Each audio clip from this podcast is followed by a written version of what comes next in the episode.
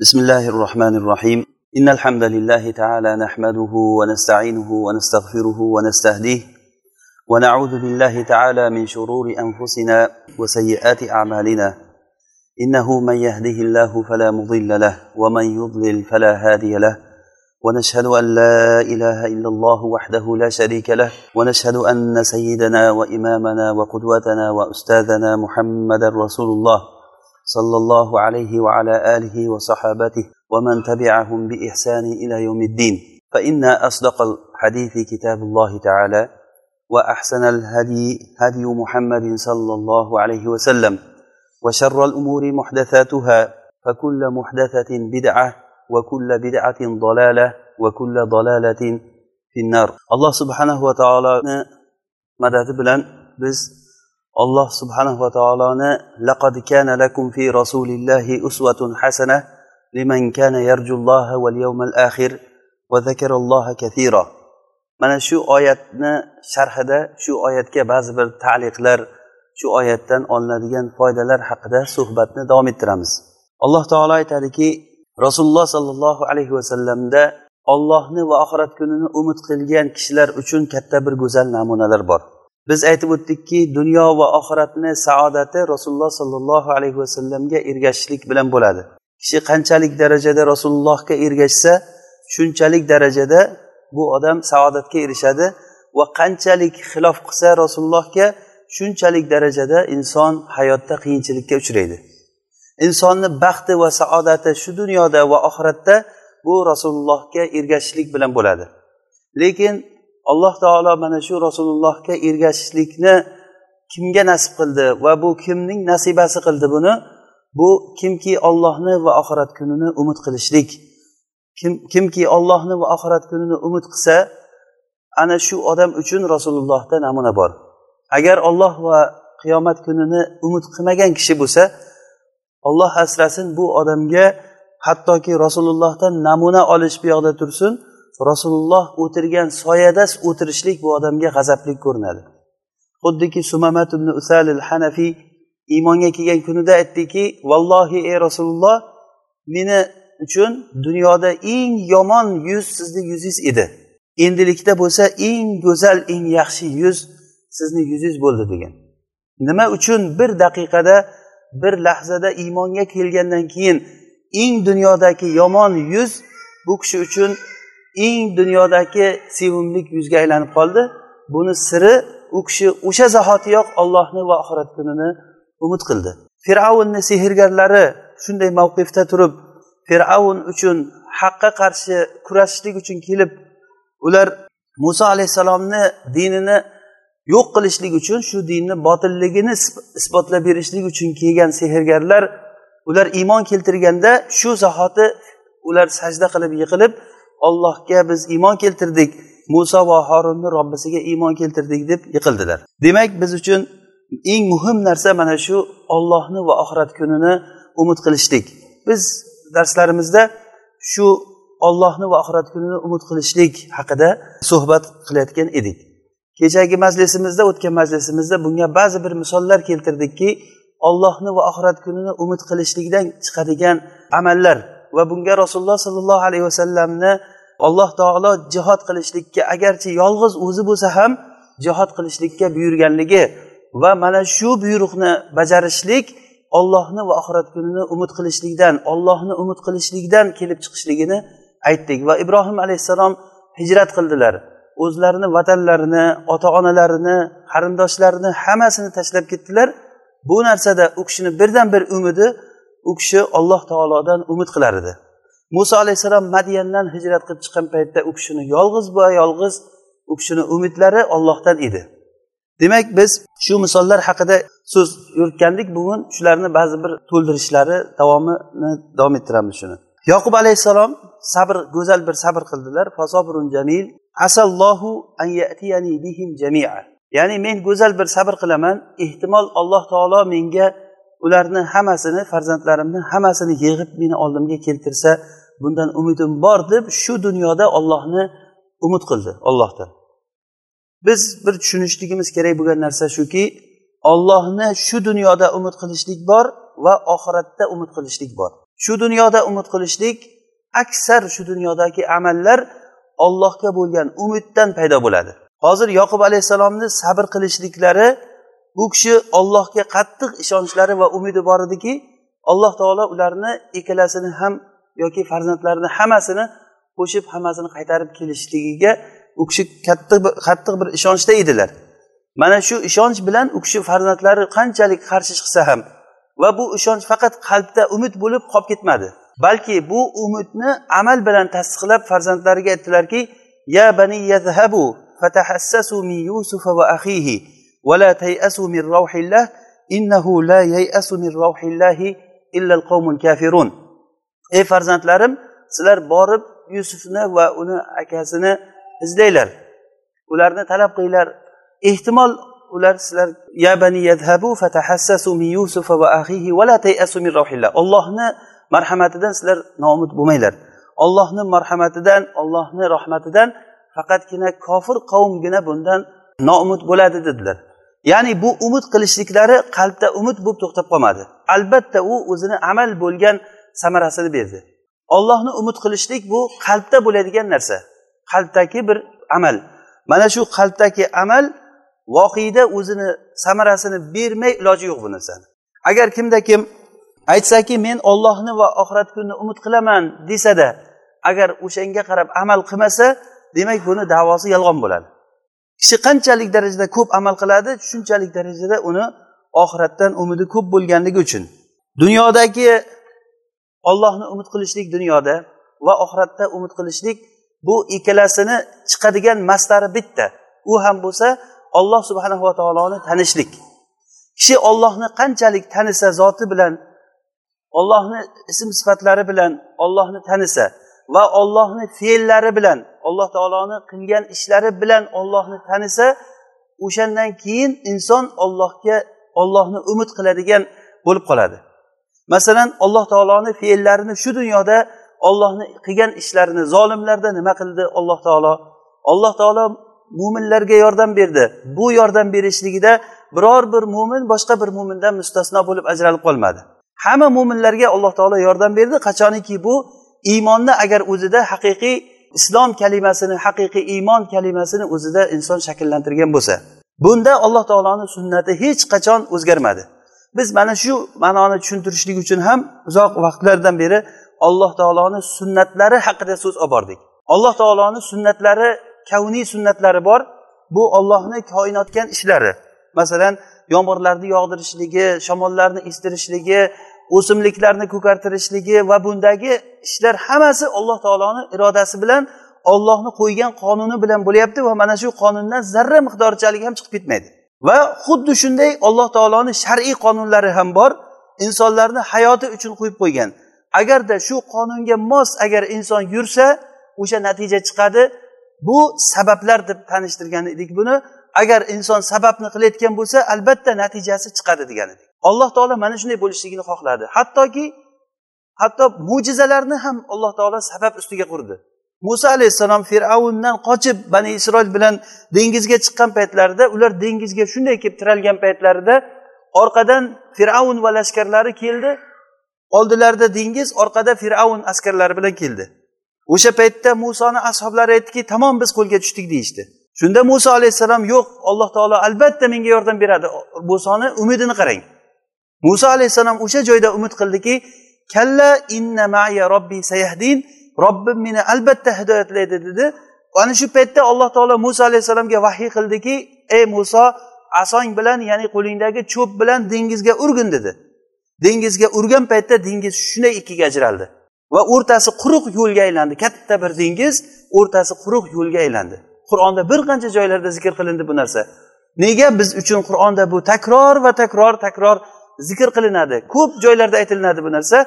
Buni sababi shuki bizda mana shu mana shunday holatda olloh musoga qanday yordam bergan bo'lsa mana shu narsada umid paydo bo'lsinki bizga hech sabablardan uzilib qolgan paytda iloji yo'q. Muso alayhissalom hozir mana shu joyda nima qilish kerak? Agar aql bilan o'ylab ayting desa hech kim javob topolmaydi bunga. Muso alayhissalom na qurol bor na boshqa bor hammasi qul bo'lgan odamlar. Erkagi ayol hammasi shunday chiqqan. Dengizga kelib turib shunday dengizga tiralgan orqasidan fir'avn butun qurollari bilan askarlari bilan keldi. O'shanda muso alayhissalom nima qilishliklari kerak? Aql bilan o'ylab qaraganingizda qanday najot yo'li bor shu joyda? Bunda boshqa najot yo'li yo'q. O'shanda muso alayhissalom xotirjam holatda meni robbim hidoyatlaydi xotirjam bo'ylar dedilar. Va bu narsani alloh taolo xohladiki aso bilan biz aytmoqchi bo'lganimiz aso bilan o'sha dengizga uring dedi. Asoni urishligi sabab bo'ldi dengizni ochilishligiga. Alloh taolo shunday o'zini ochib qo'ysa bo'lardi. Yo'q. Bani isroil suv so'ragan paytda muso alayhissalomga alloh taolo vahiy qildiki asoyingiz bilan toshga uring dedi. Toshga urgan paytlarida toshdan suvlar otilib chiqdi. Hatto mo'jizalar ham mana shunday sabab bilan. Maryam alayhissalom u kishi iso alayhissalomga homilador bo'lgan paytlarida bir qavmidan sharq tomoniga bir chekka joyga chiqib ketib o'sha joyda farishta kelib turib u kishini kiyimlarini yoqasidan puflagan paytda u kishi homila bo'lib qoldi iso alayhissalomga. Qur'onda bu narsa e, zikr qilingan tafsir kitoblarida keyin u kishi homila bo'lgandan keyin ey robbim endi men nima qilaman? Bu holatda insonlar oldiga borsam odamlar nima deydi menga?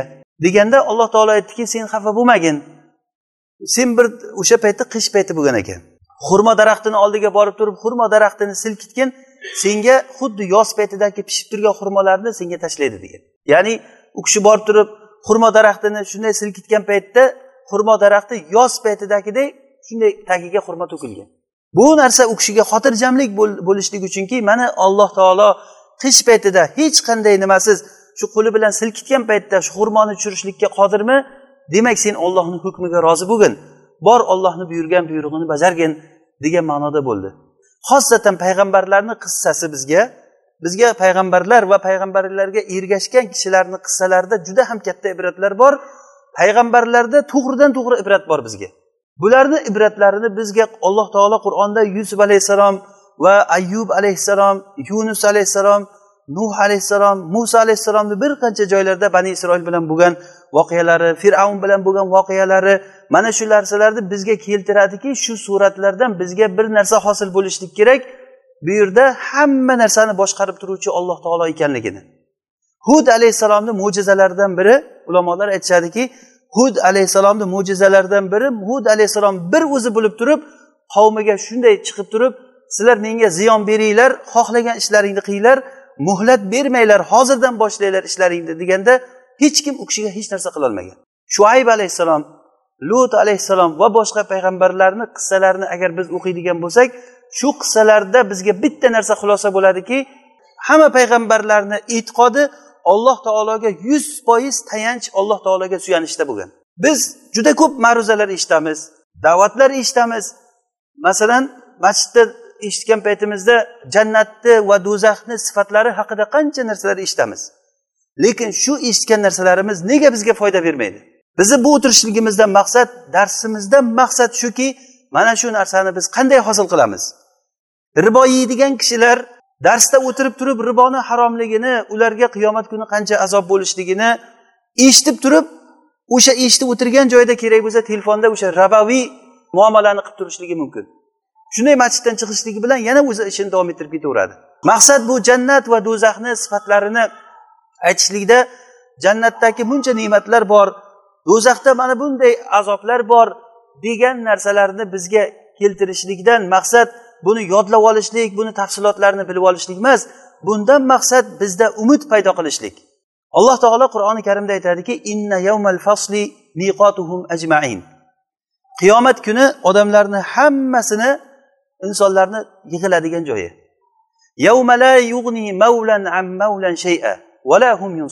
O'sha qiyomat kunida biror do'st o'zini do'stiga foyda berolmaydi ularga boshqa bir tomondan ham yordam kelmaydi. Siz tasavvur qiling qiyomat kunida inson mavqifda shunday ollohni oldida turadi u kuni do'stlar bir biriga foyda bermaydi. Alloh taolo aytmayaptiki bu yerda bu kunda do'stlar yo'q demayapti. Do'stlar bor lekin foyda berolmaydi nega alloh taolo shu yerda? Nima uchun? O'sha mavlolari insonlar sig'inib yurgan tog'utlaru butlar ergashib yurgan odamlarni hammasini ko'zini oldiga olib kelib qo'yar ekan alloh taolo. Hattoki odamlar ibodat qilgan toshlar va butlar jahannamda ko'zini oldida birga yonib turar ekan odamga. Bo'lmasa tosh bilan butlarni yonishligini nima keragi bor? Bularga azoblanishlikni nima keragi bor? Inson toshga ibodat qilgan bo'lsa o'sha tosh ham qiyomatda yonida yonadi o'sha odamni oldida deyapti. Rasululloh sollallohu alayhi vasallam aytadilarki har bir ummat o'zini ibodat qilgan narsasiga ergashsin deb buyruq berilar ekan. O'shanda sanamga ibodat qilgan butga ibodat qilganlar butga va daraxtlarga ibodat qilganlar daraxtlarga kim nimaga ibodat qilgan bo'lsa o'shani orqasidan ergashadi va o'shani orqasidan do'zaxga kirib ketadi degan. Bu yerda bir narsani bilish kerakki izzat faqat ollohni qo'lida ekanligini. Hattoki o'sha kunida ham ko'ziga ko'rinib turgan o'sha ularni olihalari ular dunyoda sig'inib yurgan ularni rahbarlari ko'zini oldida yonib turgan paytda yonib turgan paytda inson ana shu paytda biladiki bu odam o'zi yonib turgan bo'lsa menga qanday foyda beradi degan. Shu ilm odamda hosil bo'lsa ulardan umid uziladi. Bu qur'onda aytilishligidan maqsad shu sizlar ularni umid qilmanglar. Ollohdan o'zga odamlarni ollohdan o'zga sabablarga sig'inmanglar. Eng achinarli narsa shuki odamlar ollohdan o'zga odamlarga va ollohdan o'zga sabablarga qalbi bilan sig'inadi aksar odamlar. Bu olloh mustasno qilgan kishilar bundan ma'sum bo'ladi. Alloh taolo o'zi asragan odamlar bundan qutulingan. Har bir odam shu nuqtai nazardan o'zini qalbini tekshirib ko'rsin. Sizni tayanchingiz sizni ishonchingiz ollohgami yoki topgan pulingizgami yoki sultoningizgami mansabingizgami insonlarni ko'pchiligi molga va mansabga yoki bir ba'zi bir shaxslarga yoki bo'lmasa sabablarga sig'inadi. Mana shu sabab bo'lsa inson xotirjam bo'ladi. Agar sabab bo'lmaydigan bo'lsa inson tamoman orqaga qarab ketib qoladi. Qur'on bizga mana shu tarbiyani beradi. Payg'ambarlar qissasini keltirishlikdan maqsad ham umidimiz faqat va faqat allohga bog'lanishligini o'rgatishlik uchun. Rasululloh sollallohu alayhi vasallam hijrat qilgan paytlarida g'orga borib kirgan paytlarida sabablarni to'liq ushladilar. Hamma ehtiyot choralarini ko'rdilar lekin shunday bo'la turib ham orqasidan mushriklar ayni g'orni eshigini tagiga yetib keldi. Rasululloh sabablarni ushladi. Nima qilish kerak? G'orni ichida turgan kishi. Na qo'lida quroli bor. Ular hammasi o'ldiraman deb turib shunday g'orni eshigiga kelgan. Shunda abu bakr roziyallohu anhu yig'lagan paytlarida rasululloh sollallohu alayhi vasallam aytdilarki xafa bo'lmang alloh taolo biz bilan birgadir degan. Mana shu ollohni maiyatini ollohni birga ekanligini bizga bildirishlik uchun shu narsani bizga qur'onda shu narsani tilovat qilinadigan qiyomatgacha tilovat qilinadigan qur'onda bu narsani bizga qoldirdi. Bizni moli dunyomizga yoki kuchimizga yoki obro'yimizga mansabimizga bu dinni oliy bo'lishligi hech ham muhtoj emas. Alloh taolo qur'onda aytadiki agar sizlar rasulullohga yordam bermayotgan bo'lsanglar olloh unga yordam bergan o'sha g'orga borgan paytda. Sizlar qayda edinglar o'sha payti? Rasulullohga yordam berdik deb aytib minnat qila olasizlarmi? Kim minnat qila oladi? Men rasulullohga yordam berdik deb. Bu narsa o'sha ansorlarga xitob qilib aytilingan. Eng rasulullohga yordam bergan ular rasulullohni yonida jonlarini fido qilgan odamlarga aytgan. Sizlarni yordamlaringga rasululloh muhtoj emas. Rasululloh sollallohu alayhi vasallamga u g'orda paytda olloh yordam bergan. Uni kofirlar yurtidan quvib chiqargan paytda g'orga borgan paytda u sohibiga aytgan holatni eslangki xafa bo'lmang olloh biz bilan birgadir deb biz mana shu qissadan bilamizki payg'ambarlar rasululloh sollallohu alayhi vasallamni mana hozir misoli yoki ibrohim alayhissalomni misoli hammalarini qissasini o'qisak birdan bir nuqtaga qaratilinadiki faqat va faqat ollohga sig'inishlik. Ollohga suyanishlik. Qur'on mana shu narsani o'rgatadi bizga. O'n uch yil mobaynida nozil bo'lgan qur'on boshidan oxirigacha makkada nozil bo'lgan oyatlarni o'qing tadabbur bilan. O'sha oyatlarni ma'nosiga e'tibor bering. Faqat va faqat ollohga qaytishlik ollohga sig'inishlik ollohga suyanishlikni o'rgatadi. Har xil misollar bilan keltiradi uni. Payg'ambarlarni qissalarini aytib beradi bizga. Ba'zi bir o'tgan davrdagi kishilarni qissalarini aytib beradi. Ashabul kafni qissasi hammamizga ma'ruf. Ashabul kaf g'orga borgan paytda ularga kim yordam berdi? Ularni butun olamlarga alloh taolo ularni ibratlanadigan bir dars qilib ularni qoldirdi. Mana bunda biz uchun katta bir dars bor. Bundan oladigan bizni foydamiz shuki ollohni va oxirat kunini umid qilishlik. Alloh taolo mana shu oyatda duxon surasini ya'ni oxirlarida zikr qiladiki do'zax ashoblari bilan jannat ashoblaridan bitta bitta misol keltiradi alloh taolo.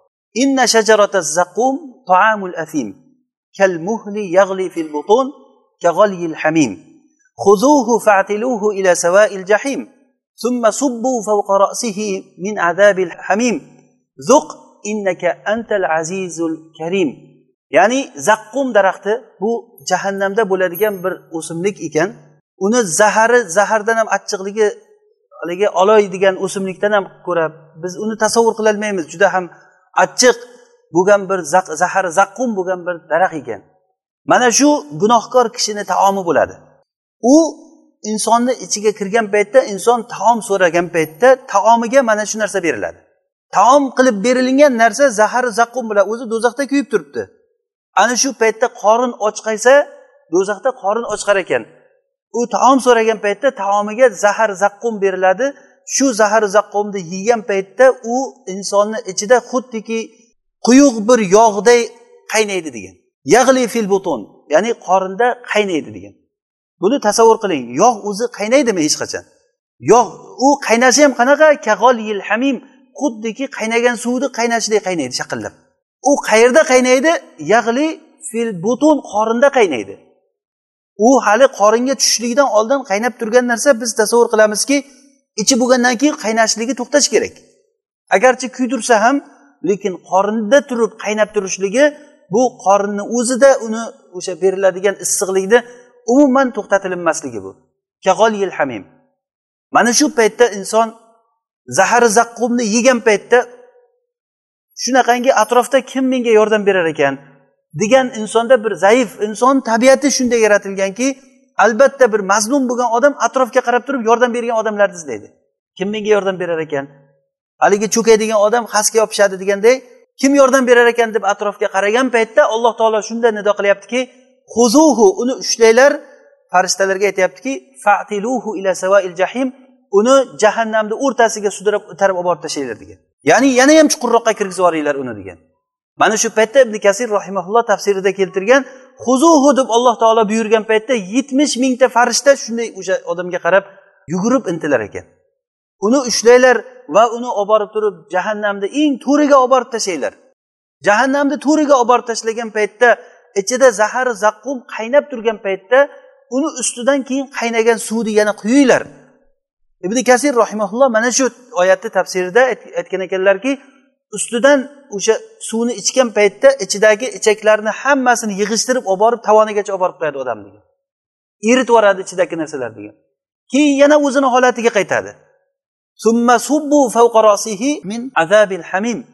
Zuq ana shunday turgan holatda unga aytiladiki sen bu azobni tatgin zero sen azizul karim bo'lgan kishisan deyiladi.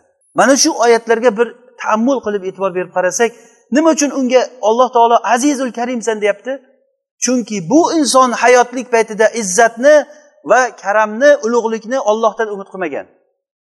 Yo ollohdan boshqadan umid qilgan yo o'zini men azizman va karimman degan bu odam. Manmansiragan inson. Men eng ulug'man men eng olim kishiman men eng falonman eng men falonman boyman ehtiyojim yo'q degan ma'no insonni qalbida kechsa mana shu oyatni esiga keltirsin. Yo'q innaka antal azizul karim. Sen azizul karim kishi eding sen.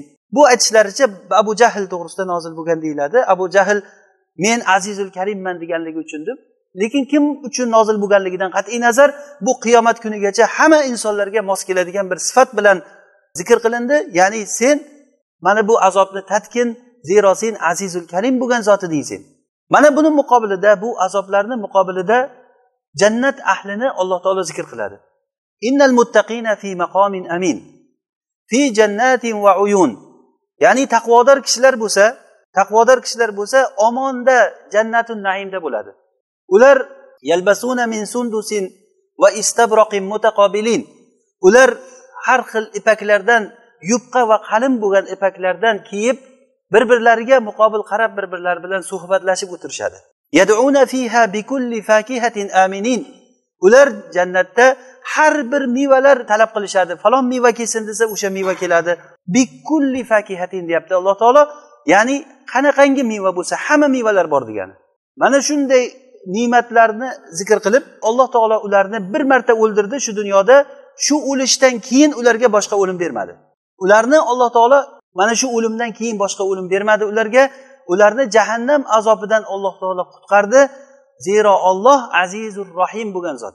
Mana shu yerda alloh taolo o'zini tanityaptiki azizur rohim sifati bilan. Robbing azizur rohim shu voqeani aytib bo'lgandan keyin alloh taolo o'zini fe'lini zikr qilgandan keyin o'zini aziz va rohim sifatini zikr qilyapti. Nima uchun? Bu ishlar alloh taoloni hozirgi bu fe'llari ollohni mana shu zotidan kelib mana shu sifatlaridan kelib chiqyapti. Biz qur'onda agar e'tibor berayotgan bo'lsak alloh taolo o'zini bir fe'lini zikr qilib shu fe'llardan keyin albatta o'zini tanitadigan bir ism sifatlarni keltiradi. Nima uchun hozir bu yerda aziz va rohim sifati kelyapti? Chunki bu o'rin izzat o'rni ya'ni alloh taolo eng aziz zot bo'lganligini mana shu joyda ko'rsatib qo'ydi. Va buni muqobili do'zax ahlini zuq innaka antal azizul al karim deb sen azizul karimsan deganda uni izzati bilan ollohni izzatini solishtirib ko'ring. Agar aziz bo'ladigan bo'lsa odam nimaga do'zaxda kuyyapti u? Mana bu narsani bildirishlik uchun jannat ahlidan bitta ko'rinishlik do'zax ahlidan birinchi bir surat va jannat ahlidan bir surat keltirib bo'lgandan keyin alloh taolo mana shu suratni zikr qilgandan keyin mubosharatan birdan shu oyatdan keyin bu qur'on haqida so'zlab ketadi. Ya'ni bu deganiki jannat ahlini sifatini bilgan bo'lsanglar do'zax ahlini sifatini va undagi holatlarini bilib tasavvur qilgan bo'lsanglar bilinglarki bundan nojot topishlik jannatga erishishlik va do'zaxdan qutulishlikni birdan bir yo'li bu qur'on bo'ladi. Va innama yassarnahu bilisanik. Bu qur'onni sizni tilingiz bilan biz oson qilib qo'ydik. Ya'ni bu qur'on rasululloh sollallohu alayhi vasallamni tillari bilan arabiy juda ham oson bo'lgan lug'atda agar buni ta'lim oladigan kishilar bo'lsa juda ham oson bo'lgan lug'atda bu narsani biz oson qilib qo'ydik. Demak bu jannat ahli o'zi asli agar e'tibor bersak qur'on zikr qilinyapti bundan oldin qur'onni zikri kelgan yo'q. Bundan oldingi oyatlarda do'zax ahlini va jannat ahlidan bitta bitta surat u ham juda batafsil emas bitta holatda shunday zikr qilinyaptiki zaqqum daraxtini yeganligi va uni ustidan issiq suv quyilinganligi va jahannamga olib borib tashlanganligi. Va buni muqobilida taqvodor kishilarni ne'matda qanday turganligini alloh taolo tasavvur qildirib shu narsani aytgandan keyin mubasharatan birdan undan keyin qur'onni zikr qilyaptiki buni qutulishlikni yo'li jannatga erishishlik va do'zaxdan qutulishlikni yo'li birdan bir bu qur'on bo'ladi. Biz mana shu narsaga ko'proq e'tibor qaratamiz. Alloh subhanahu va taoloni umid qilishlik bu ollohni tanishlik bilan bo'ladi. Buni ko'p takror aytdik takror aytaveramiz yana toki bizda ma'lumot sobit bo'lishligi uchun. Ollohni tanishlik bilan bo'ladi. Ollohni zoti bilan va alloh taoloni fe'llari bilan ollohni sunnatlarini bilishlik bilan ollohni umid qilamiz biz. Ollohni zolimlardagi sunnati qanday bo'lgan? Alloh taolo zolimlarga nima ish tutdi? Va alloh taolo mo'minlarga qanchalik darajada yordam berdi? Alloh taoloni ne'matlari qanchalik darajada bizga alloh taolo ne'matlarini beryapti? Ertayu kech bizga ne'matlarni beryapti? Nimaga? Nima uchun inson shuncha ne'matlarni beraveradi beraveradi inson buni o'ylaydimiki bir maqsadsiz alloh taolo hech bir sababsiz bizga shuncha ne'mat beryaptimi? Ya'ni biz osmonlarni va yerdagi va ular o'rtasidagi narsani hech bir narsani bekorga o'ynab bekordan bekorga yaratmadik. Biz buni faqat haq uchun yaratdik. Buni biz faqatgina faqat va faqat haq uchun yaratdik. U haq nima? Inna yawmal الفصل miqatuhum ajmain ولكن أكثرهم la ya'lamun insonlarni ko'pchiligi mana shu haqni bilmaydilar u haq nima qiyomat kuni insonlarni savol javob qilishlik bizga berilayotgan bu ne'mat agar sizga qanchalik ko'p ne'mat berilgan bo'lsa bilingki shu ne'mat uchun javobgar bo'lasiz ko'zingizga qanchalik ko'rishlik ne'mati berilganligi aqlingizga qancha berilinganligi moli dunyo farzand deysizmi uy joy deysizmi ustingizdagi kiyimlar deysizmi qancha bir ne'mat bo'lsa mana shu ne'matlarni har biri uchun siz qiyomat kunida bitta bitta bitta so'ralasiz. Qiyomat kunida sizlar mana shu ne'matlar to'g'risida so'ralasizlar. Qaranglar alloh subhanahu va taolo osmonu yerni yaratgandan beri qanchalik darajada alloh taolo ne'matlar berdi? Qancha ne'matlar beryapti? Bizga har qancha rizqlar mevalarni har yili yangi yangi mevalar o'stirib beryapti. Yerdan qancha konlar chiqardi? Mana bu chiqadigan neftlar gazlar tillolar va boshqa boshqa bu ne'matlar. Insonlar bu ne'matlardan foydalanib hammamiz shu ne'matlarda sayr qilib yuribmiz. Hattoki alloh taolo insonlarga buni ilmini berib samolyotlarga minib bir lahzada qancha oylab yuriladigan masofalarni bir ikki soatda shunday uchib kelib turib boshqa joyga inson tushyapti. Ilgariki odamlarga bo'lmagan ne'matlar hozir katta katta bir ne'matlar ochilib ketdi. Dunyoni narigi boshidagi odamni shunday suratdan ko'rib bemalol gaplashib o'tiribsiz. Xohlagan joyga insonlar safar qilib bemalol borishlikka katta bir imkoniyatlar topildi. Ilgari tog'u toshlarda qancha cho'li biyonbonlarda safar qilishlik kerak bo'lgan holatlarni hozir bir lahzada yoki bu hozir minib yurgan mana bu moshinalar va boshqa narsalar alloh taoloni bu ne'matlari bular. Mana shu ollohni ne'matlariga qarab biz fikr qilamizki nima uchun alloh taolo mana shu ne'matlarni berdi? Bundan maqsad nima? Bekordan bekorga beryaptimi? Kim o'ylaydiki bu alloh taolo bekordan bekorga insonga ne'matni berib inson yeb semirib hayotda maza qilib yashab yashab o'lib yo'qib ketaveradi deb kim o'ylaydi? Kofir kishilar o'ylaydi. Bu kofir kimsalarni gumoni bu. Demak biz bu narsani ollohni fe'llaridan alloh taoloni qiladigan ishlari shu jumladan bitta ishi hozir aytganimiz ato bizga sovg'alarni berishligi. Mana shu berilayotgan narsalardan alloh taoloni biz taniymiz. Ollohni tanisak va ollohni sunnatlarini bilsak ollohni sunnatlarini qayerdan bilamiz? Ollohni sunnatlarini qiladigan ishlaridan bilamiz. Koinotda nimalar qilgan alloh taolo va nimalar qilyapti va bu qonun bo'lib qoldi bu narsa? Bunga to'liq o'sha fizikada o'qitiladigan qonunlar hammasi misol bo'la oladi. Agar bunday qilsangiz bunday bo'ladi bunday qilsangiz bunday bo'ladi bu qonunlarni kim shunday qilib qo'ydi? Kim kemalarni suvni ustida qalqib yuradigan tonna tonna yuklarni ko'tarib turadigan qilib qo'ydi. Kim buncha yuklar bilan samolyotlarni osmonga uchiradigan qilib qo'ydi. Ha bu fizika qonuniga to'g'ri kelyapti sirtaranglik kuchi bo'lyapti bosim bo'lyapti deb aytishimiz mumkin lekin o'sha bosim qonunini kim tuzdi? Zichlik qonuni deymiz masalan bir toshni suvga tashlasangiz suvga cho'kib ketadi. Nimaga desa toshni zichligi suvni zichligidan katta bo'lganligi uchun ichiga kirib ketadi. O'sha zichlik qonunini kim tuzdi? Olloh taolo qildimi bu narsani? Olloh mana shu qonunlarni tuzib mana shu qonunlarni ilhomlantirib odamlarga o'rgatganligidan odamlar hozir nimaga osmonga uchdi? Buni ilmini olloh subhanava taolo berdi. Shuncha ne'matlarni alloh taolo berganligini mana shu ishlarni qilganligini ko'rib turib biz ollohni taniymiz va alloh taoloni qonunlarini shundan anglaymiz. Ollohni qonunlarini bilgandan keyin o'z o'zidan bizda ollohga bo'lgan umid paydo bo'ladi. Agarda alloh taoloni umid qilmaydigan bo'lsa mana shu hozir o'qigan suramizni oxirida fartaqib innahum murtaqibun. Jannat ahlidan misol keltirdik do'zax ahlidan misol keltirildi. Demak fartaqib maqsad nima? Kutib turing ular ham kutib turibdi. Har bir odam kutib turibdi.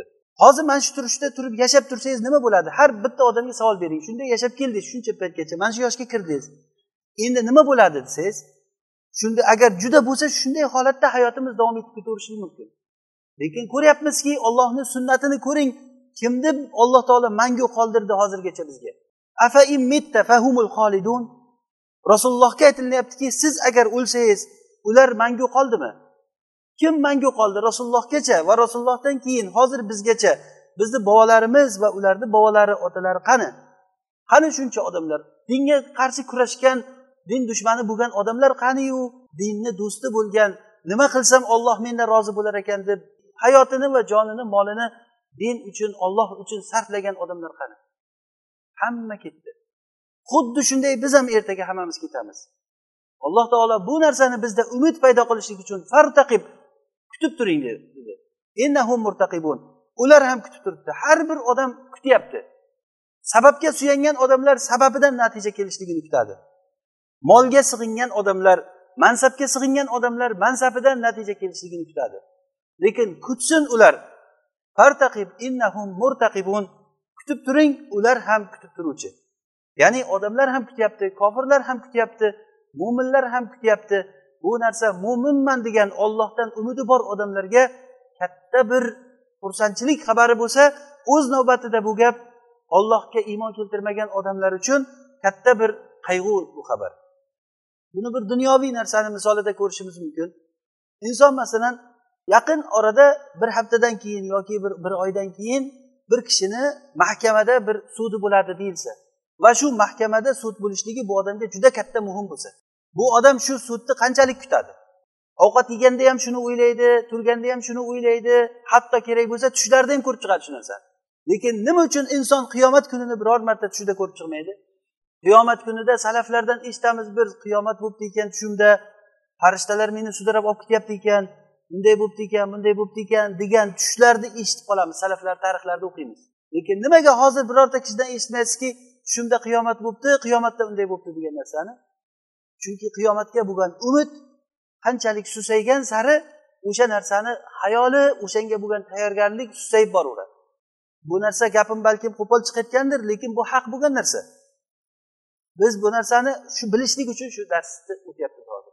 Eshitamiz eshitamiz jannat haqida eshitamiz do'zax haqida eshitamiz lekin bu eshitganlarimiz bizda umid paydo qilmasa foydasi yo'q bu narsa fartaqib kuting ular ham kutib turibdi degan oyatdagidek umidi bor odam ollohdan kutib turadi.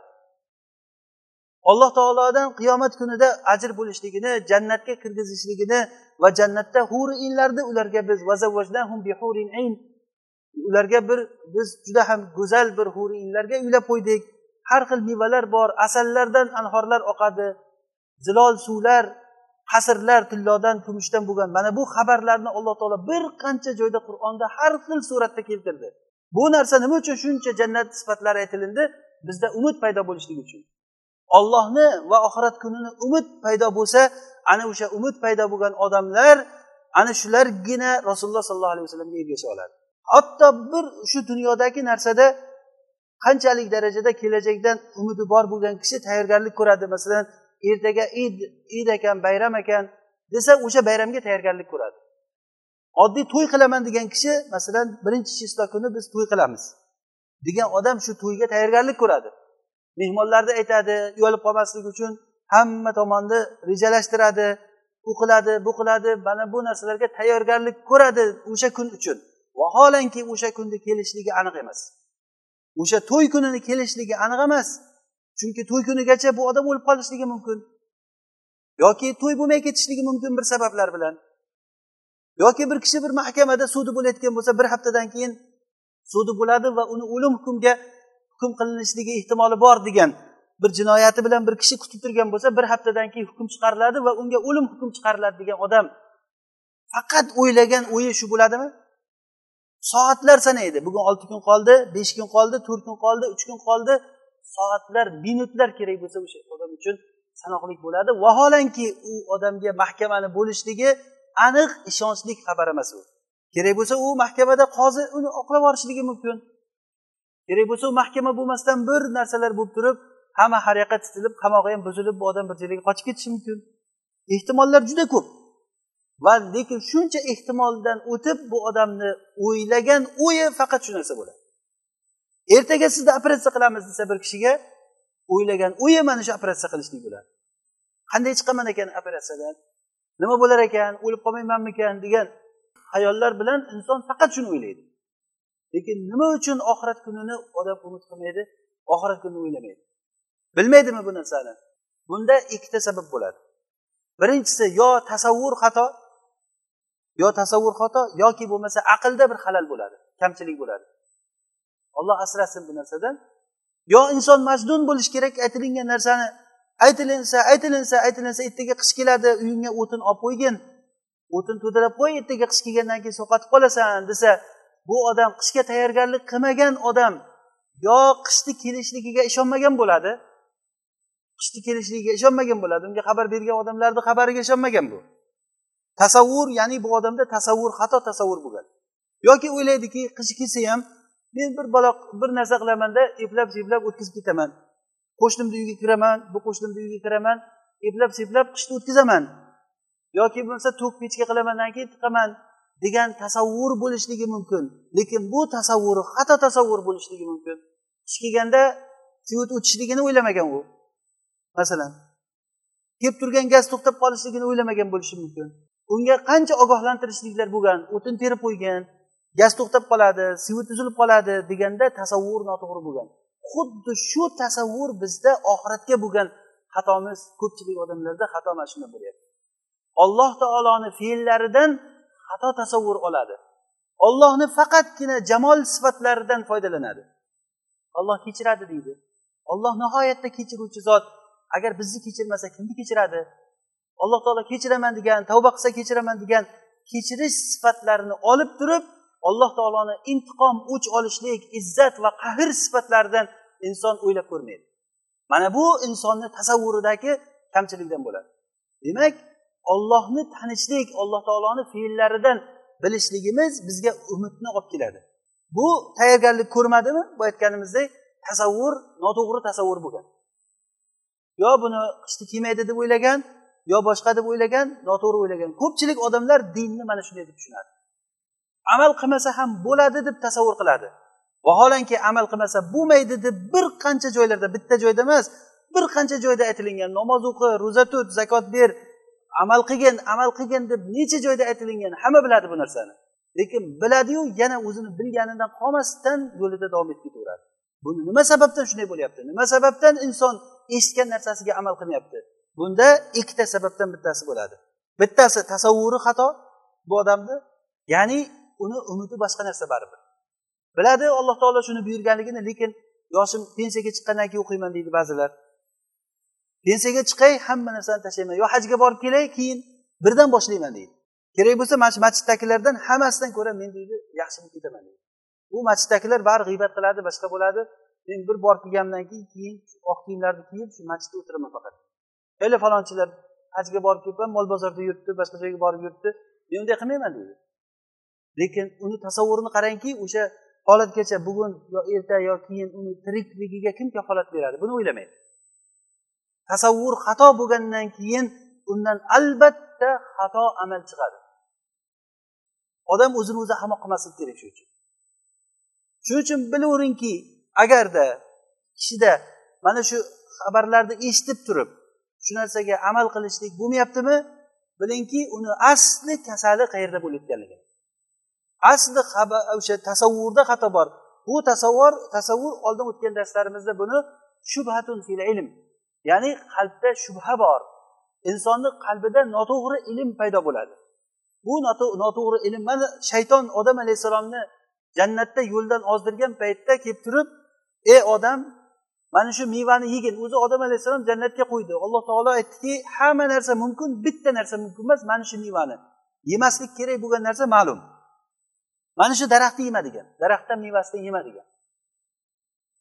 Shuncha narsalar aniq bo'lib turib shayton kelib turib odam alayhissalomga bu mevani alloh taolo sizlardan qaytarganligini sababi sizlar mangu bo'lib qolasizlar. Agar shuni yesang jannatdan tamomiy chiqmayotgan bo'lib qolasan deb odam alayhissalomga noto'g'ri ilm bilan shubha bilan kirib kelgan. Va ollohni nomi bilan qasam ichgan shayton.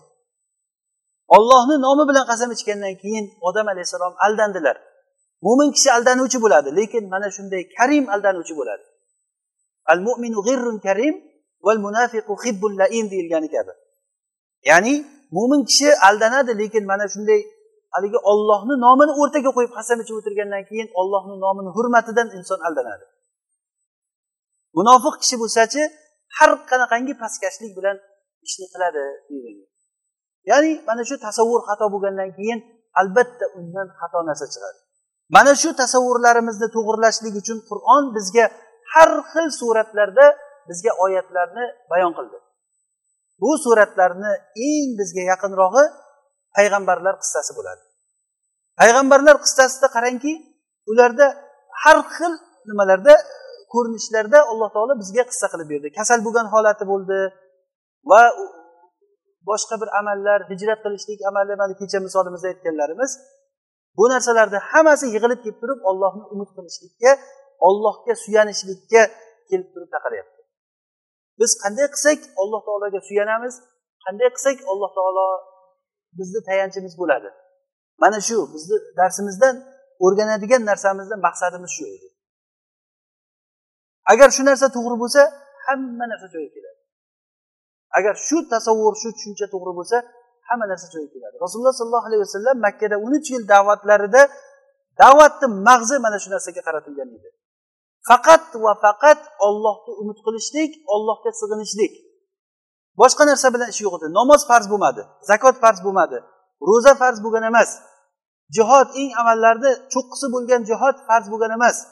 Boshqa bir islom ahkomlari aksari hali bir rukunlar namoz ro'za haj zakot bular islomni rukunlari bular. Mana shu rukunlar hali farz bo'lmasdan turib bir qancha yil sahobalarni mana shu iymon nuri bilan iymonni mustahkam urug'ini ularni qalbida ekishlik bilan rasululloh sollallohu alayhi vasallam mashg'ul bo'ldilar. Va bu bizga makkiy suralar makkada nozil bo'lgan oyatlarni ma'nolariga qarasak shu narsa bizga ko'rinadi. Alloh subhanava taolo eshitganlarimizga amal qilishlikni nasib qilsin. Rasululloh sollallohu alayhi vasallam aytganlari kabi agar alloh taolo bir bandaga yaxshilikni xohlasa uni dinda faqih qilib qo'yadi. Dinimizda alloh taolo faqihlardan qilsin. Agar dinni yaxshi tushunadigan bo'lsak biz ko'p takror aytyapmiz. Huzayfa roziyallohu anhu aytganlaridek kim dinini tushunsa u fitnaga tushmaydi. Dinni tushunishlik bu narsa dinni maqsadi nima? Alloh taoloni maqsadi nima? Nima uchun rasul yubordi? Nima uchun kitob tushirdi? Mana shu narsalardan maqsadni tushunishlik uchun biz dinimizni dinimizda ko'p narsalarni bilishligimiz kerak bo'ladi. Alloh taolo dinimizda faqihlardan qilsin. Alloh taolo gunohlarimizni mag'firat qilsin. O'zini yo'lida sobit qadam qilsin. سبحانك اللهم وبحمدك نشهد أن لا إله إلا أنت نستغفرك